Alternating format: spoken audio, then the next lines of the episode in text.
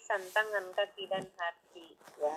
Kenapa seperti itu? Karena ternyata kalau uh, para ulama fikih mengatakan yang membatalkan puasa adalah masuknya sesuatu lewat kerongkongan ya, dan hubungan suami istri juga membatalkan dan juga haid dan nifas juga membatalkan ya. Akan tetapi lebih lagi kalau kita bicara tentang hikmah puasa dan hakikatnya, ternyata semua yang uh, tidak bisa ditahan dari sisi hawa nafsu itu membatalkan puasa ya seperti kejadian dua orang muslimah di masa Rasulullah Shallallahu Alaihi Wasallam. Dua orang sahabiat yang pada saat itu bulan suci Ramadan di masa Rasul ya dua-duanya ingin mengisi waktu setelah selesai semua pekerjaan rumahnya. Mereka berdua duduk di pekarangan salah seorang rumah mereka.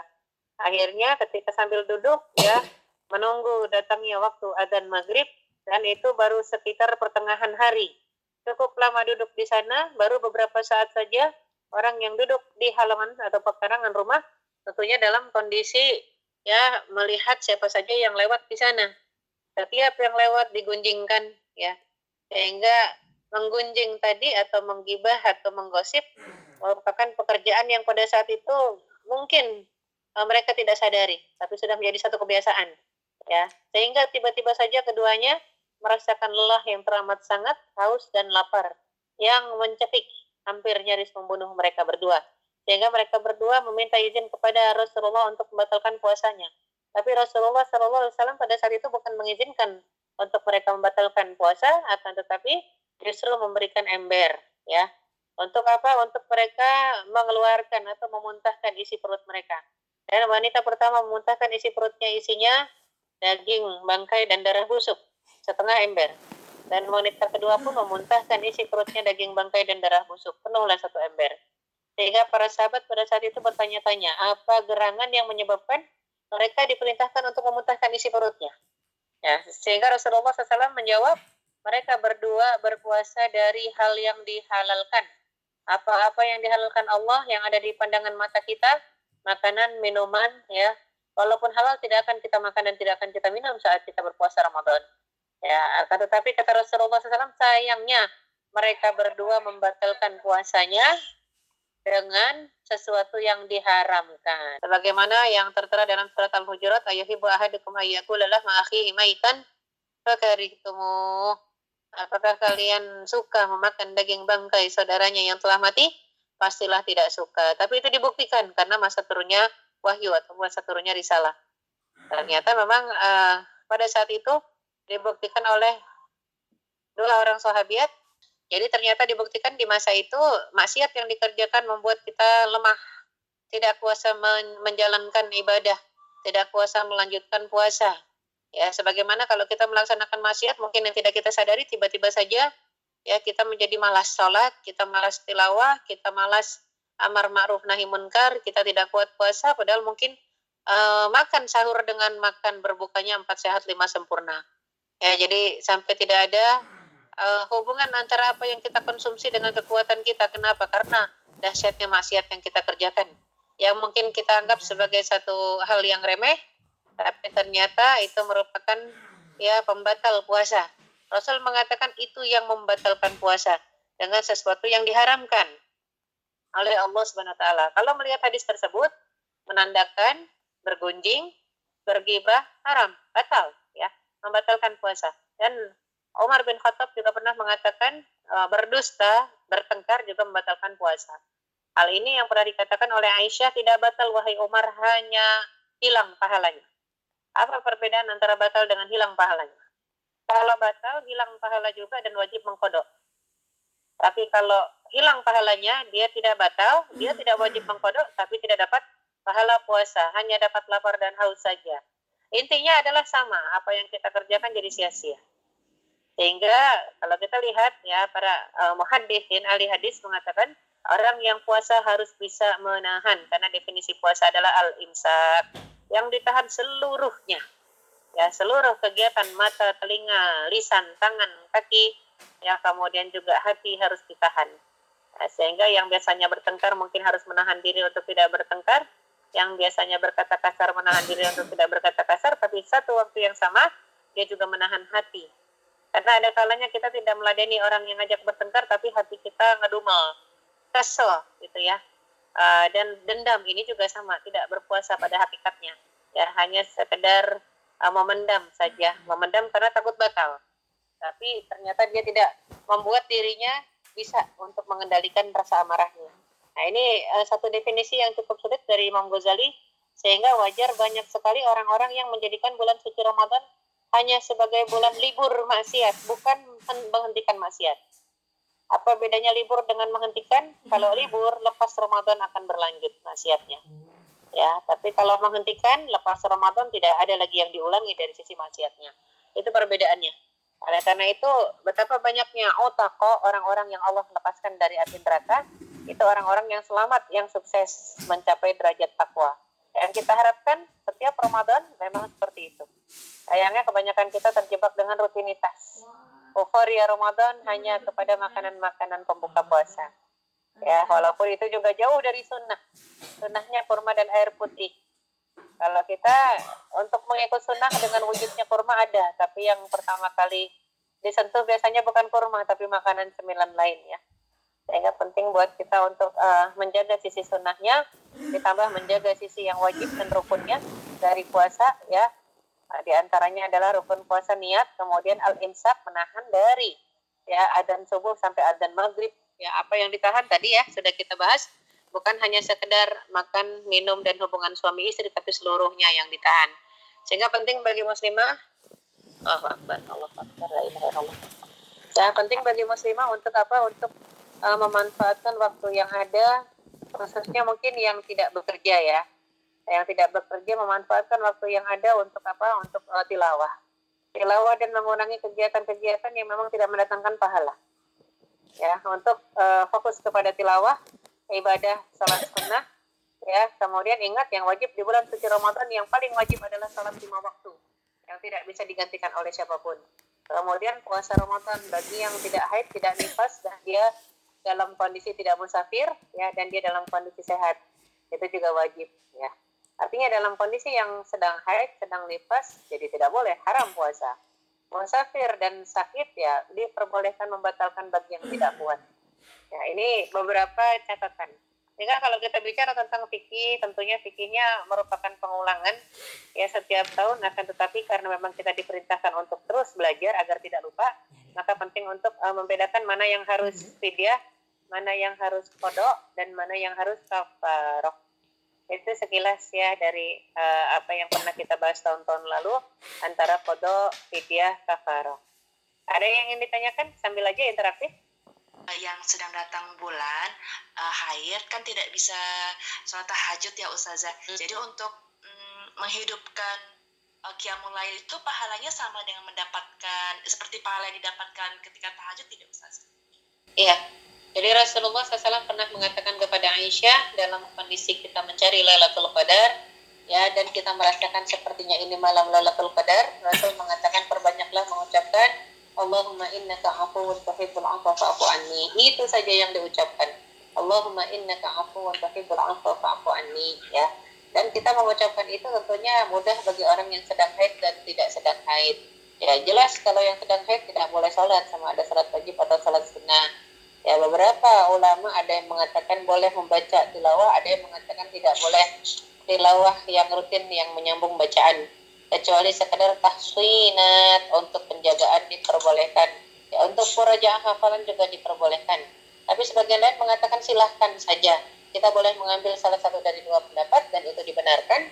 Dan perbedaan pendapat ulama sebenarnya lebih meruncing kepada memegang mushaf kalau zaman sekarang sudah tidak uh, semuanya memegang mushaf, rata-rata hanya memegang aplikasi Android ya. Nah, jadi mudah juga untuk tetap mendapatkan barokahnya di aplikasi Android terkadang suka uh, ada rekaman murattal dari para syekh, para qari internasional. Dengarkan, simak. Walaupun kita tidak ikut membaca, tapi mendengarkan dan menyimak merupakan satu kewajiban. Idza quri al-Qur'an fastami'u lahu an situ. La'allakum turhamun jika dibacakan Al-Quran, maka dengarkan baik-baik dan diam agar ikut mendapatkan rahmat.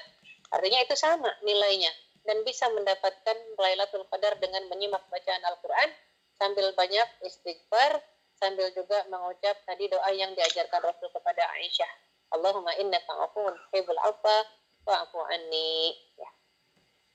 Jadi kalau ya Ustazah kalau misalnya kita ada target uh, uh, untuk menyelesaikan satu juz atau dua juz dalam satu bulan, tapi kita sedang dapat. Uh, jadi kalau misalnya kita lagi dapat, kita bisa membaca uh, menurut pendapat beberapa ulama, misalnya, misalnya saya lebih uh, yakinnya untuk uh, yang bisa membaca tapi tanpa memegang mushaf gitu. Jadi boleh ya, ya Ustazah? Boleh, nggak apa-apa. Hmm. Boleh. ya Ustazah. Ya, jazakallah khair. Ya, Kemudian ya. Ada pertanyaan uh, dari Mbak Fatimah.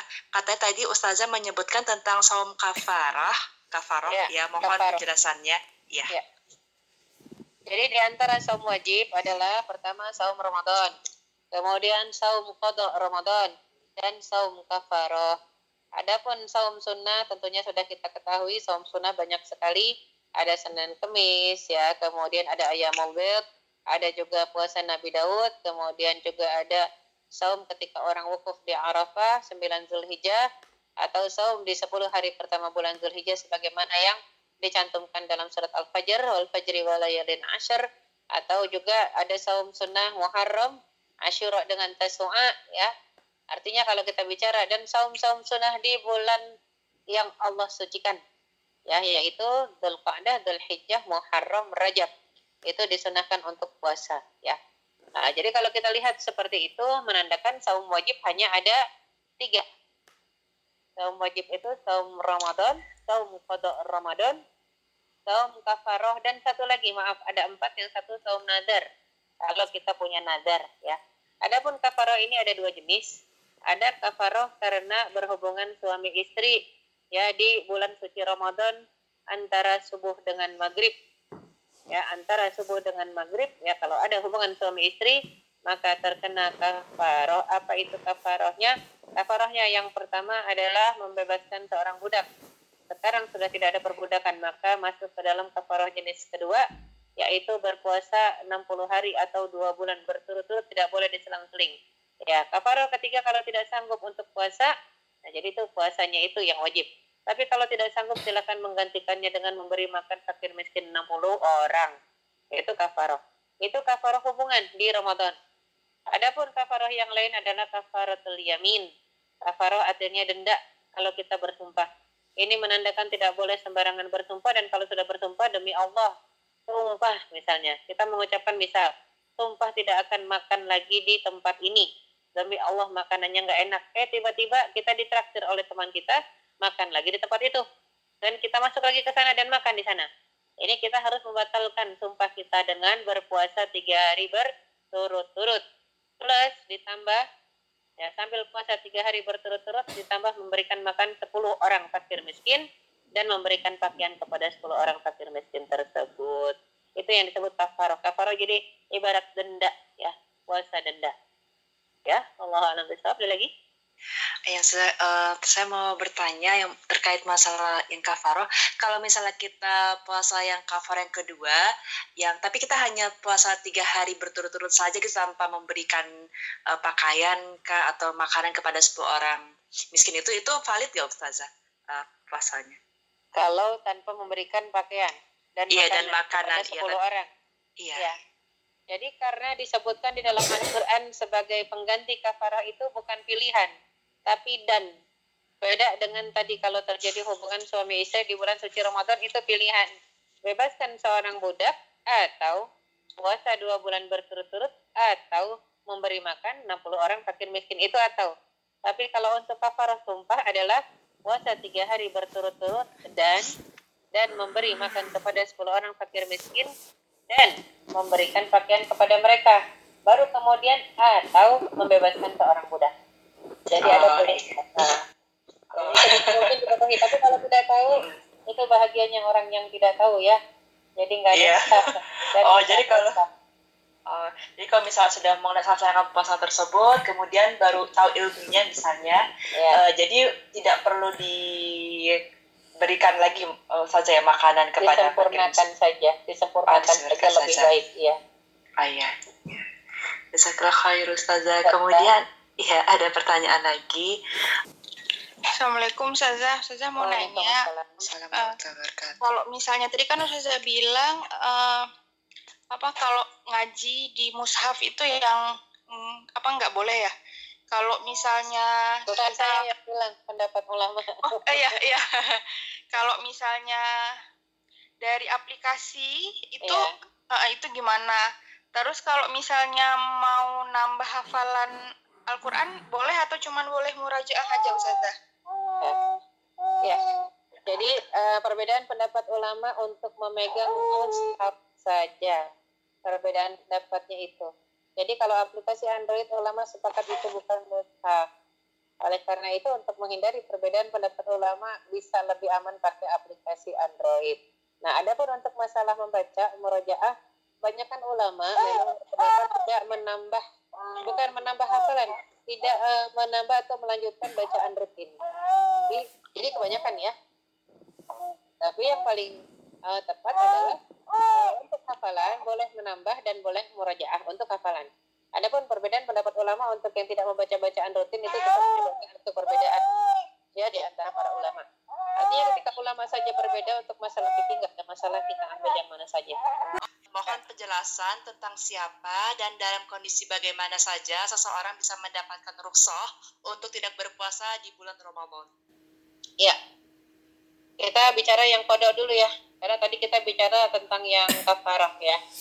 Maka kalau e, kita bicara tentang yang kodok, bagi mereka ya yang diberikan uh, keringanan untuk tidak puasa Ramadan, bahkan ada yang memang diharapkan untuk puasa Ramadan, yaitu bagi mereka yang haid dan nifas. Ini bukan keringanan lagi sebenarnya, tapi pengharaman. Untuk yang haid dan nifas diharamkan puasa.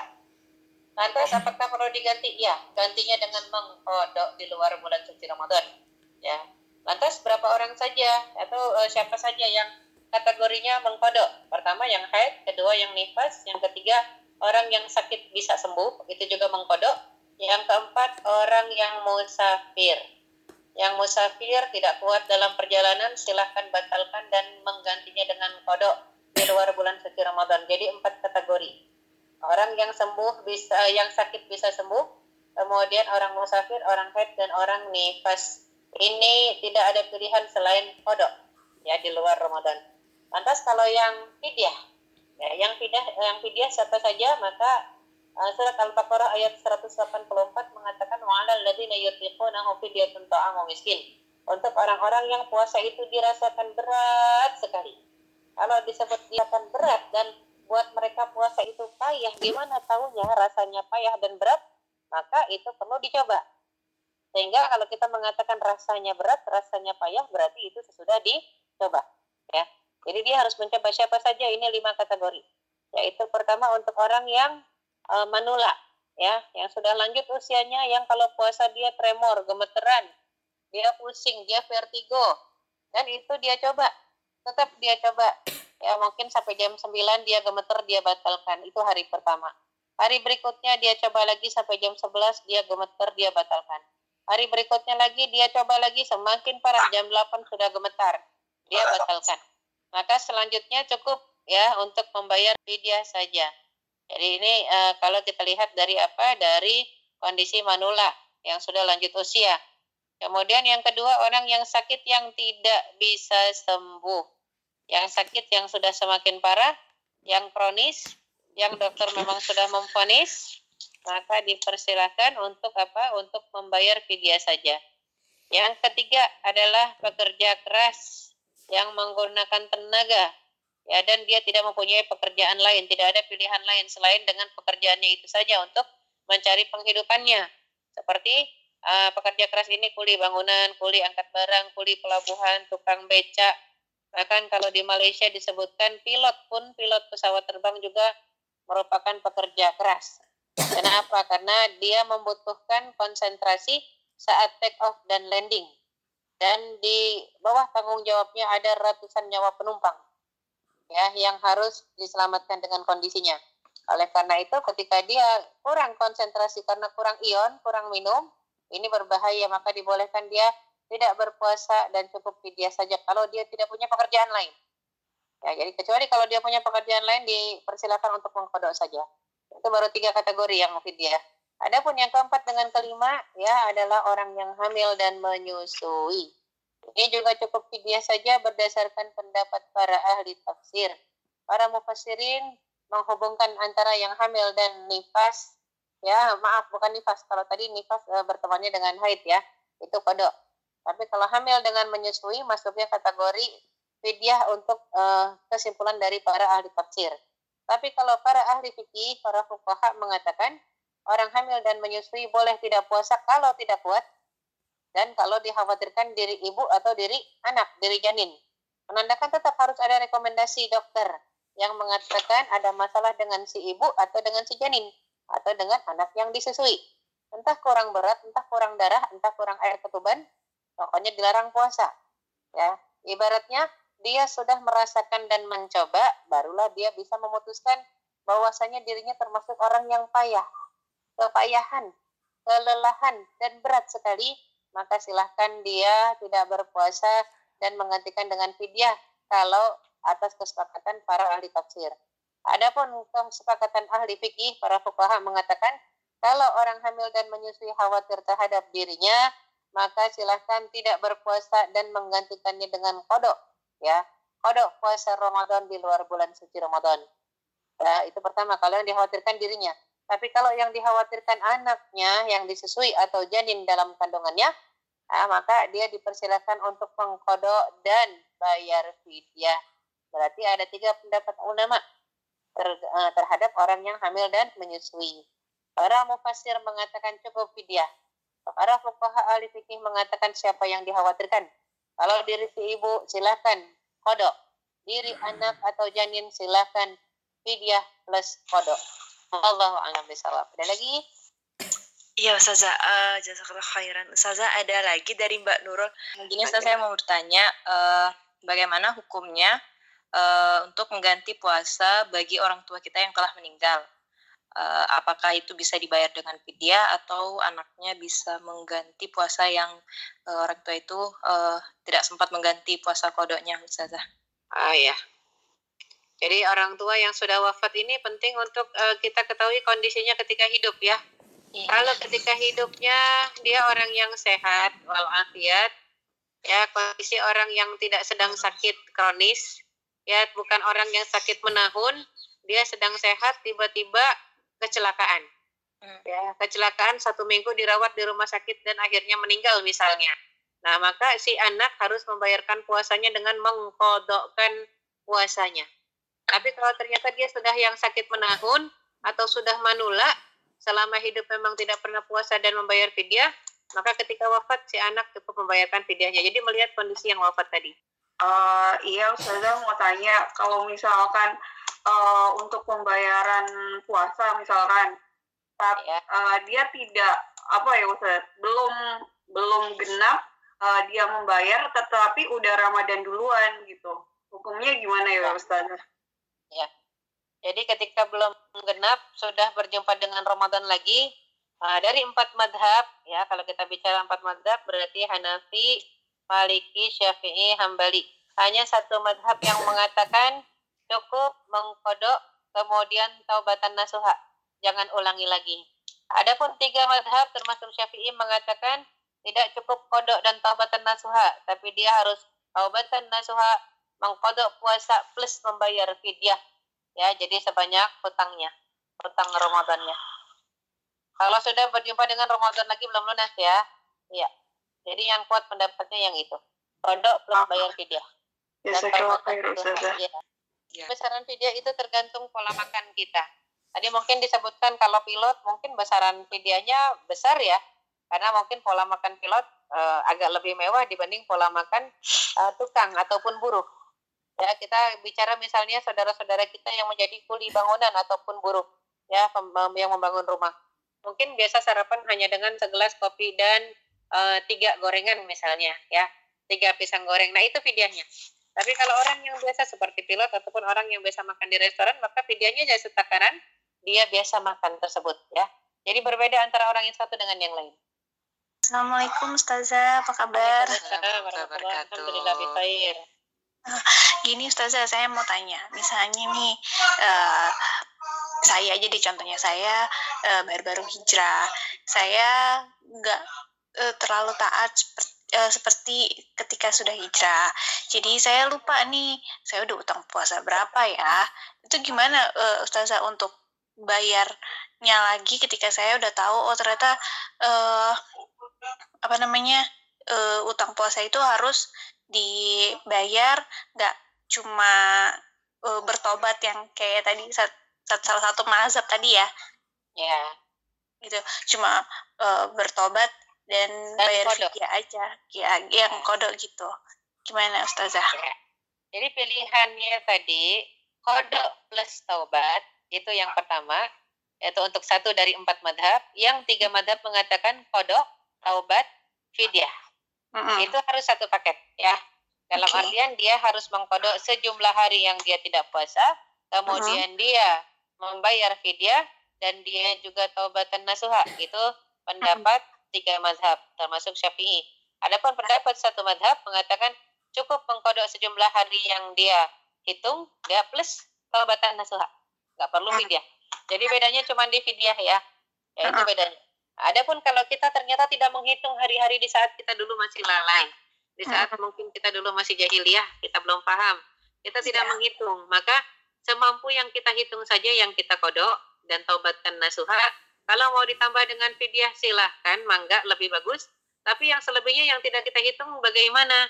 Ya boleh memperbanyak diri dengan puasa sunnah atau juga mencoba untuk mengira dan mengkodok atau pendapat yang terakhir cukup ditutup dengan taubatan nasuha saja. Ini pendapat yang terakhir karena kita tidak bisa mengira dan tidak tahu jumlah banyaknya. Maka cukup ditutup dengan taubatan nasuha. Ini pendapat yang paling akhir. Oh, gitu. Jadi, jadi ada ada tiga tiga eh, maksudnya ada dua ikhtiar dan satu taubat gitu ya Ustazah ya? Iya, iya, betul. Oke, jazakallah khairan kasiran Ustazah. Iya. Ada lagi Mbak-mbak? Oh, boleh lagi nggak Ustazah? Iya, silakan, silakan. Silakan, Mbak. Uh, ini Ustazah tentang pembayaran fidyah kemarin uh, apa sih saya uh, membaca beberapa artikel gitu. Jadi hmm. kalau membayar fidyah uh, ada di statementnya itu kita tidak boleh membayarkan secara tunai dengan uang dalam bentuk uang maksudnya. Jadi kita harus uh, uh, membayar fidyah ya dengan memberi makan orang-orang yang uh, lagi puasa seperti itu. Jadi secara langsung dalam bentuk makanan. Tetapi kalau hmm. kondisinya kami di sini atau uh, ya di mana pun gitu yang sangat tidak memungkinkan untuk memberi makan secara langsung itu bagaimana ya Ustazah? Iya, jadi uh, banyak sekali kalau pendapat fikih itu berkembang ya dan juga sifatnya murunah ataupun sifatnya lentur sesuai dengan kondisi zaman masa ini. Seperti kalau kita bicara tentang zakat fitrah, zaman Rasul gandum. Ya, gandum tentunya di daerah yang makan roti kalau di daerah seperti kita yang makan nasi otomatis jadi beras. Di daerah lain yang makannya ketela ya jadi ketela gitu ya. Ini atau syariah, lenturnya fikih. Nah, termasuk juga besarannya dan jenisnya. Ya, ketika kita mengatakan jenis, maka tentunya jenis uh, sesuai dengan kadar makanan kita. Ditambah lagi Al-Qur'an mengatakan wa 'alal ladzina fidyatun ta'amu miskin. Untuk orang-orang yang puasa itu rasanya berat sekali dirasa, maka silakan menggantikannya hanya dengan fidyah yaitu memberi makan seorang miskin. Di negara tertentu yang kita susah mencari uh, orang-orang miskin yang bisa kita berikan makanan ya, maka tentunya kadang-kadang bisa dikonversi menjadi uang dan sepakat ulama kontemporer mengatakan boleh. Boleh mengkonversi zakat fitrah dan fidyah berubah menjadi uang. Jangankan di Korea ya, di daerah-daerah seperti eh, daerah-daerah yang memang sudah menengah ke atas itu banyak mungkin penyapu-penyapu jalanan yang marah ketika dikasih makanan. Padahal makanan ini bagus. Di box yang mahal, isinya juga bagus dan harganya mahal. Tapi mereka buang, mereka baling itu. Ya, sambil mengatakan kami tidak butuh makanan, kami butuh uang. Itu ada kesan kesombongan jelas dan Allah membenci sifat itu. Tapi ternyata penting juga untuk kita yang memberikan zakat, memberikan fidyah, menyalurkan sodako untuk melihat sisi ketepatan sasaran. Karena boleh jadi kalau makanan beras mereka punya di rumah, dan mereka lebih butuh uang mungkin. Untuk apa? Untuk beli obat, untuk membiayai pendidikan anaknya, untuk sistem kehidupan yang lain yang berjalan seperti biasanya. Mungkin untuk bayar listrik dan sebagainya. Ya, jadi ada kalanya dikasih nasi kotak itu marah. Jadi uh, kita lihat kebutuhan masyarakat karena besarnya pahala akan uh, sesuai dengan tepatnya sasaran dan besarnya pengorbanan kita. Ya. Jadi boleh dikonversi ya. Assalamualaikum Ustazah. Waalaikumsalam warahmatullahi wabarakatuh. Mau, mau, tanya tentang zakat fitrah. Kalau kita membayar zakat fitrah, nah itu kan memang uh, di, di akhir ya menjelang menjelang lebaran karena kalau kasusnya kayak kami ditinggal di Korea kan biasanya kita bayar zakat fitrah itu uh, bisa langsung uh, ke kayak tadi bayar fidyah gitu ustazah lewat lewat uang aja uh, di sini lewat PKPU uh, kalau misalnya kita bayar zakatnya pakai rupiah yang padahal kita misalnya tinggal di Indonesia tinggal di Korea itu gimana hukumnya ustazah? Maksudnya secara fikihnya jadi kita minta tolong misalnya hmm, bayar orang-orang di Indonesia membayar apa dengan uang yang kita kirim tapi pakai rupiah membayarkan zakat fitrah gitu misalnya. Hmm, hmm, ya, ya boleh. Jadi kita bicara tentang konversi ya. Uh, rasanya kalau di Korea orang Indonesia tetap makan nasi ya. makan nasi ya, kayaknya Korea pun makan nasi kan? Iya Ustazah, ya, makan nasi. nasi. Jadi iya, berat timbangannya tetap dua setengah kilo atau tiga setengah liter beras. Harganya tentunya dua setengah kilo beras atau tiga setengah liter beras ya sama antara dua setengah kilo dengan tiga setengah liter. Itu harganya harga sana ya mata uang Korea. Kemudian ketika kita kirim ke Indonesia otomatis dikonversi di kurs seharga mata uang Korea tadi dua setengah kilo atau tiga setengah liternya berapa. Jadi di kurs saja tentunya beda. Jadi jangan pakai patokan Indonesia ya. Di Indonesia beras harganya beda-beda nih. 8.000, 10.000, 15.000 tergantung berasnya jenis apa. Ya ada juga yang 25.000 beras merah beras hitam bahkan ya itu berbeda-beda dengan kualitasnya antara kualitas dengan harga beda. Maka karena yang hidup di Korea memakan beras di Korea otomatis patokannya dua setengah kilo atau tiga setengah liter harga beras di sana. Kemudian dikonversi ya menjadi harga mata uang di sana dan dikurskan ke Indonesia rupiah kalau memang diserahkan atau uh, disalurkannya di Indonesia. Mohon tips agar di bulan Ramadan bisa seimbang dan tidak timpang antara targetan ibadah Ramadan dengan dakwah. Iya. Ya, bicara tentang target tentunya seharusnya skala prioritas terbesar untuk akhirat ya, bukan untuk dunia. Kita Allah SWT mengatakan wala tansa nasibaka minad dunia jangan lupa ya bagianmu di dunia menandakan untuk dunia hanya sekedar jangan lupa. Tetapi manusia akhir zaman ini sering sekali untuk saling menasihati dengan kalimat jangan lupakan akhirat. Berarti porsi dunia sudah besar, sudah terlalu besar. Ya. Iya. Sehingga kalau kita mengatakan kita harus punya target di Ramadan ini itu merupakan satu keharusan. Apalagi dibuat seolah-olah ini adalah Ramadan terakhir. Maka target Ramadan seharusnya sudah kita bisa buat dari sekarang misalnya. Uh, hari pertama Ramadan. Ya, kita mulai dari apa? Misalnya dari subuh. Subuh baca misalnya 10 lembar atau 5 lembar kita tulis. Kemudian zuhur baca berapa lagi 5 lembar itu punya target. Jadi punya target dari hari pertama, kedua, ketiga sampai ke 30 itu merupakan satu hal yang menjadi anjuran ya. Agar apa? Ramadan kita terisi dengan bermutu. Itulah yang Rasul sebutkan imanan wah disaban ihtisaban ini menghisap detik demi detiknya. Artinya berupaya untuk mencapai targetnya. Ya. ya. jadi ini lebih penting dibanding kita punya jadwal target menu ya, menu makanan dan masakan sebulan penuh Ramadan. Hari pertama menunya ini, hari kedua itu, hari ketiga ini itu ada yang lengkap itu muslimah buat menu sampai 30 hari dan sama sekali tidak terrealisasi menunya. Cuma dicatat doang. itu banyak sekali kalau ibu ya.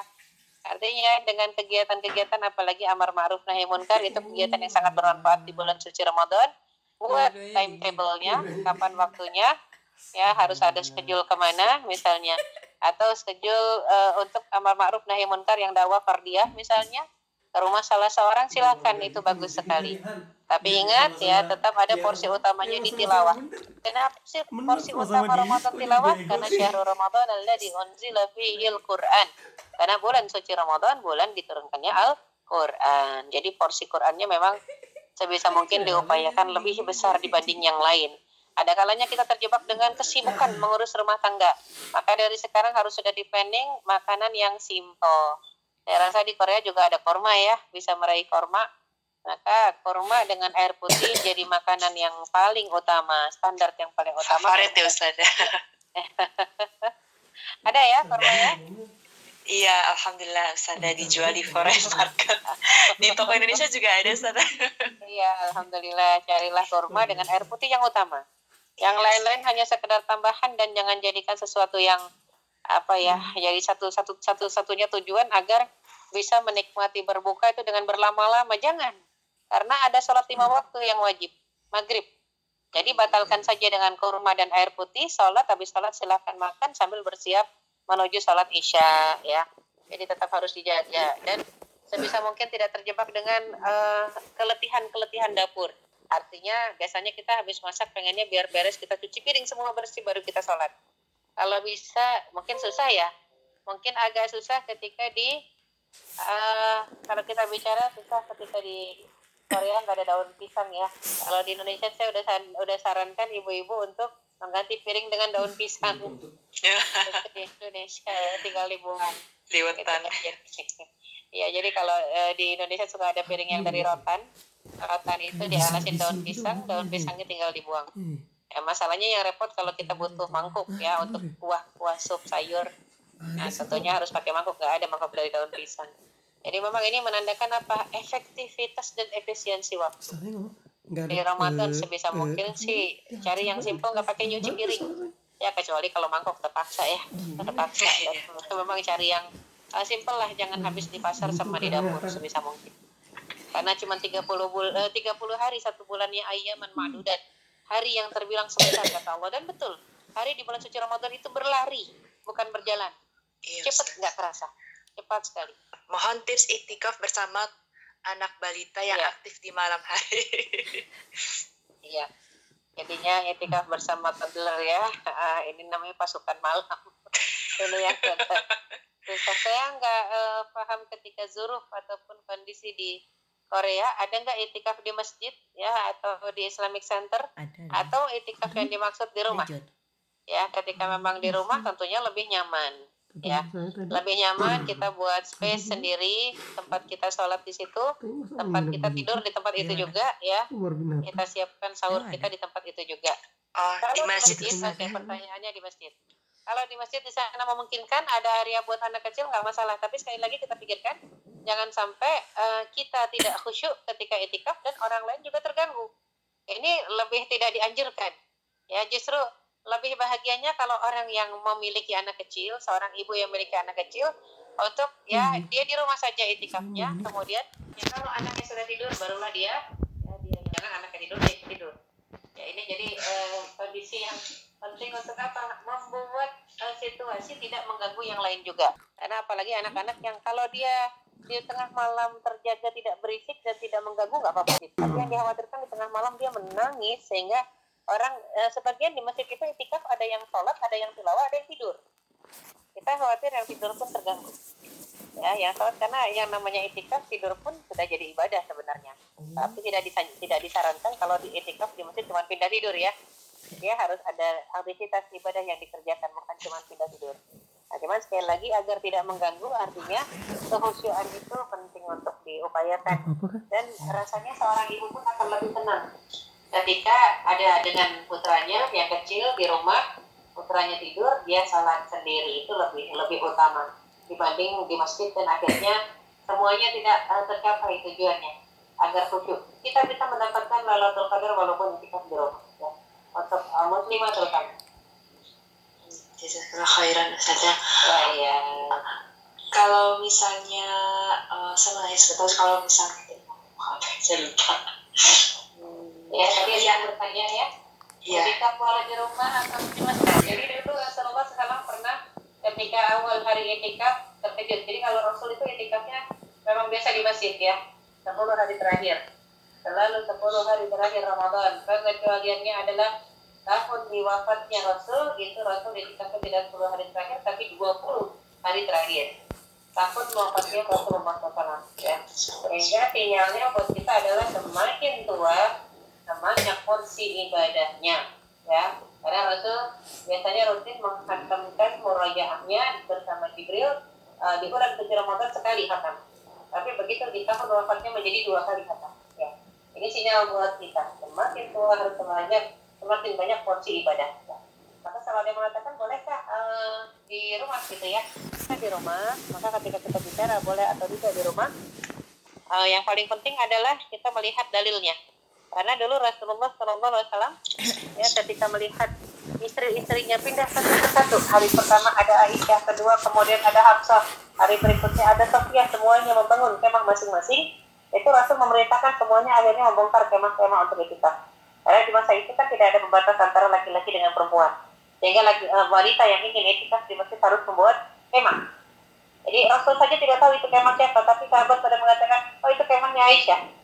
Jadi hari kedua itu kemah siapa? Itu kemahnya Sofia. Kalau sahabat tahu, menandakan semua perhatikan ya tempat sholatnya perempuan makanya Rasul menganggap itu satu hal yang bisa mendatangkan fitnah sehingga Rasul memerintahkan istri-istrinya untuk ayo kita bongkar seluruh kemah dan ayo kita pulang ke rumah. Akhirnya mereka menghidupkan malam di rumah. Bahkan Rasul membatalkan itikafnya di bulan Ramadan itu. Dan mengkodoknya di bulan Syawal. Kenapa dikodok? Karena Rasul biasanya sudah berniat untuk itikaf puluhan penuh. Akhirnya ketika dibatalkan harus dikodok. Ya itu Rasul. Menandakan fleksibilitas syariah. Rasul memerintahkan istrinya agar lebih terjaga, pindah saja yuk kita ke rumah saya pun pulang kata Rasul. Tapi Rasul pun akhirnya di rumah juga. Inilah lenturnya syariat ya, lenturnya syariat seperti itu. Jadi tidak kaku syariat itu. Nah, yang jelas iya. kita di mana pun juga bisa mendapatkan lelatul qadar kalau kita menghidupkan malam kita dengan ibadah. Iya. Allah alam Saya kan mau nanya, uh, jazakallah khairan Ustazah. Uh, jadi kalau misalnya untuk wanita kan uh, di lebih disarankan untuk uh, sholat atau beribadah di rumah ya Ustazah untuk menjaga diri dari fitnah. Kemudian kalau, kalau ada pembatas ya, iya. antara laki dan perempuan. Kalau ada pembatas, ada jaminan keamanan, silahkan di masjid. Bahkan hmm. Rasul pun uh, tidak melarang. Itu kalau kita lihat kisah tadi, Rasulullah SAW sendiri tidak tahu istrinya datang ke masjid. Menandakan istrinya sudah tahu sudah mengerti sifat Rasul akan membolehkan dan tidak melarang. Cuma saja karena Rasul melihat belajarnya ya ini kenapa sahabat pada tahu semua detail? Siapa yang bangun kemah itu Rasul? Sehingga disuruh bongkar. Tapi tidak langsung marah. Beliau dan beliau sama sekali tidak marah dan tidak melarang. Hari pertama ada satu kemah kedua ada dua kemah ketiga ada tiga kemah. Rasul lantas mengatakan ayo kita bongkar semuanya. Ini sinyalnya artinya tidak ada larangan, tapi karena tidak ada pembatas antara laki dengan perempuan yang membatasi pandangan, maka Rasul menjaga. Kalau zaman sekarang kan alhamdulillah tempat terpisah ya. Kalau misalnya ini misalnya tempat sholat kayak musola di kampus itu yeah. jadi belum ada pembatas. Alhamdulillah yeah. kita sudah udah udah bikin misalnya tapi baru-baru ini tapi sebelumnya itu tidak yeah. ada pembatas gitu misalnya. Jadi yeah. Iya. uh, saat itu uh, kadang-kadang Ivana cuma beberapa orang yang datang gitu. Sedangkan akhwatnya kadang-kadang sendiri. Nah kalau sendiri saya tuh uh, langsung pulang gitu. Jadi hmm. eh, maksudnya kalau ada Ikhwannya aja gitu. Tapi kalau misalnya ada Ikhwan beberapa orang, kemudian Ikhwan ada Akhwan sendiri saja itu tanpa pembatas, itu hukumnya gimana Ustazah? Sholat kan ya dalam kondisi ya, sholat biasa ya. dalam kondisi sholat gak masalah Oh, nah, ya, intinya begini, ketika sholat berbeda dengan kondisi lainnya. Kalau hmm. kondisi ngobrol jelas nggak boleh. Ya, tapi kalau kondisi sholat silahkan. Nggak apa-apa karena masing-masing khusyuk dan uh, di sana ada orang yang banyak. Lebih bagus memang muslimahnya tidak sendiri. Ya. Kalau misalnya berdua, Ustazah bukan saya. Misalnya kalau ada ikhwatnya sendiri dan ikhwannya sendiri gitu Ustazah, tapi dia jauh gitu Ya, kalau ya. memang ya. itu bukan siapa-siapa dalam artian itu bukan seseorang yang sedang terikat ya hubungan yang dilarang dipersilahkan nggak apa-apa yang hmm. dilarang itu kalau ada hubungan yang dilarang maka sholat berduaan ini yang bahayanya adalah tidak menjadi khusyuk ya hmm. tapi khawatir hatinya masing-masing akan terganggu makanya ada larangan jadi larangannya bukan masalah sholat berduanya tapi ada hubungannya ya bicara tentang hubungannya itu yang dihar yang diharamkan sehingga berduaan di satu tempat kalau memang ada hubungan dilarang. Ya dengan orang-orang yang tadi tidak ada mahram ya ikatan mahram. Tapi kalau memang dengan yang tidak ada ikatan mahram dan tidak ada hubungan sama sekali dia tengah sholat kita lantas di belakangnya ikut sholat dan jauh jaraknya nggak masalah. Hmm, iya, jazakallah khairan Ustazah. Kemudian ada yang terakhir pertanyaan insya Allah, bagaimana memaksimalkan Ramadan pada hari-hari periode menstruasi? Iya, jadi tetap ya sebagaimana yang sudah dicontohkan Rasul tadi kepada Aisyah seandainya kita merasakan ini malam Lailatul Qadar maka berbanyak doa Allahumma innaka afuwun tuhibbul afwa fa'fu ya. Dan juga perbanyak zikir dan istighfar tasbih subhanallah walhamdulillah wala ilaha illallah wallahu akbar istighfar yang banyak dan perbanyak doa sebagaimana yang kalau di Indonesia sering dilantunkan di masjid-masjid menjelang adzan maghrib asyhadu an la ilaha illallah. Astaghfirullah. Nas'aluka ridhaka wal jannah wa na'udzubika min sakhatika wan nar. Allahumma innaka afuwun karim tuhibbul afwa fa'fu anna. Ya jadi kadang ditambahkan asmaul husna. Afuwun karimun halimun rahimun latifun rahimul apa pokoknya boleh? Silahkan ya. Intinya adalah apa? Minta ampunan. Istighfar tasbih tahlil takbir tahmid yang banyak di bulan suci Ramadan. Tapi inti dari semuanya adalah minta diampuni. Karena orang bertakwa yang lulus dari bulan suci Ramadan adalah orang yang tidak diampuni dosanya. Ya dan untuk diampuni itu kita butuh memelas memohon dan upaya ikhtiar mujahadah untuk mempuasakan seluruh anggota tubuh kita. Ya itu dia. Allah alam Jazakallah khairan. Wa iya wa iyakun ya mohon maaf lahir batin sekali lagi ya semoga Allah SWT memberikan kita kemudahan untuk beribadah dan memberikan kita rizki mendapatkan pahala Lailatul Qadar Amin ya rabbal alamin. Ya rabbal alamin. Assalamualaikum warahmatullahi wabarakatuh. Ustazah. Waalaikumsalam warahmatullahi wabarakatuh.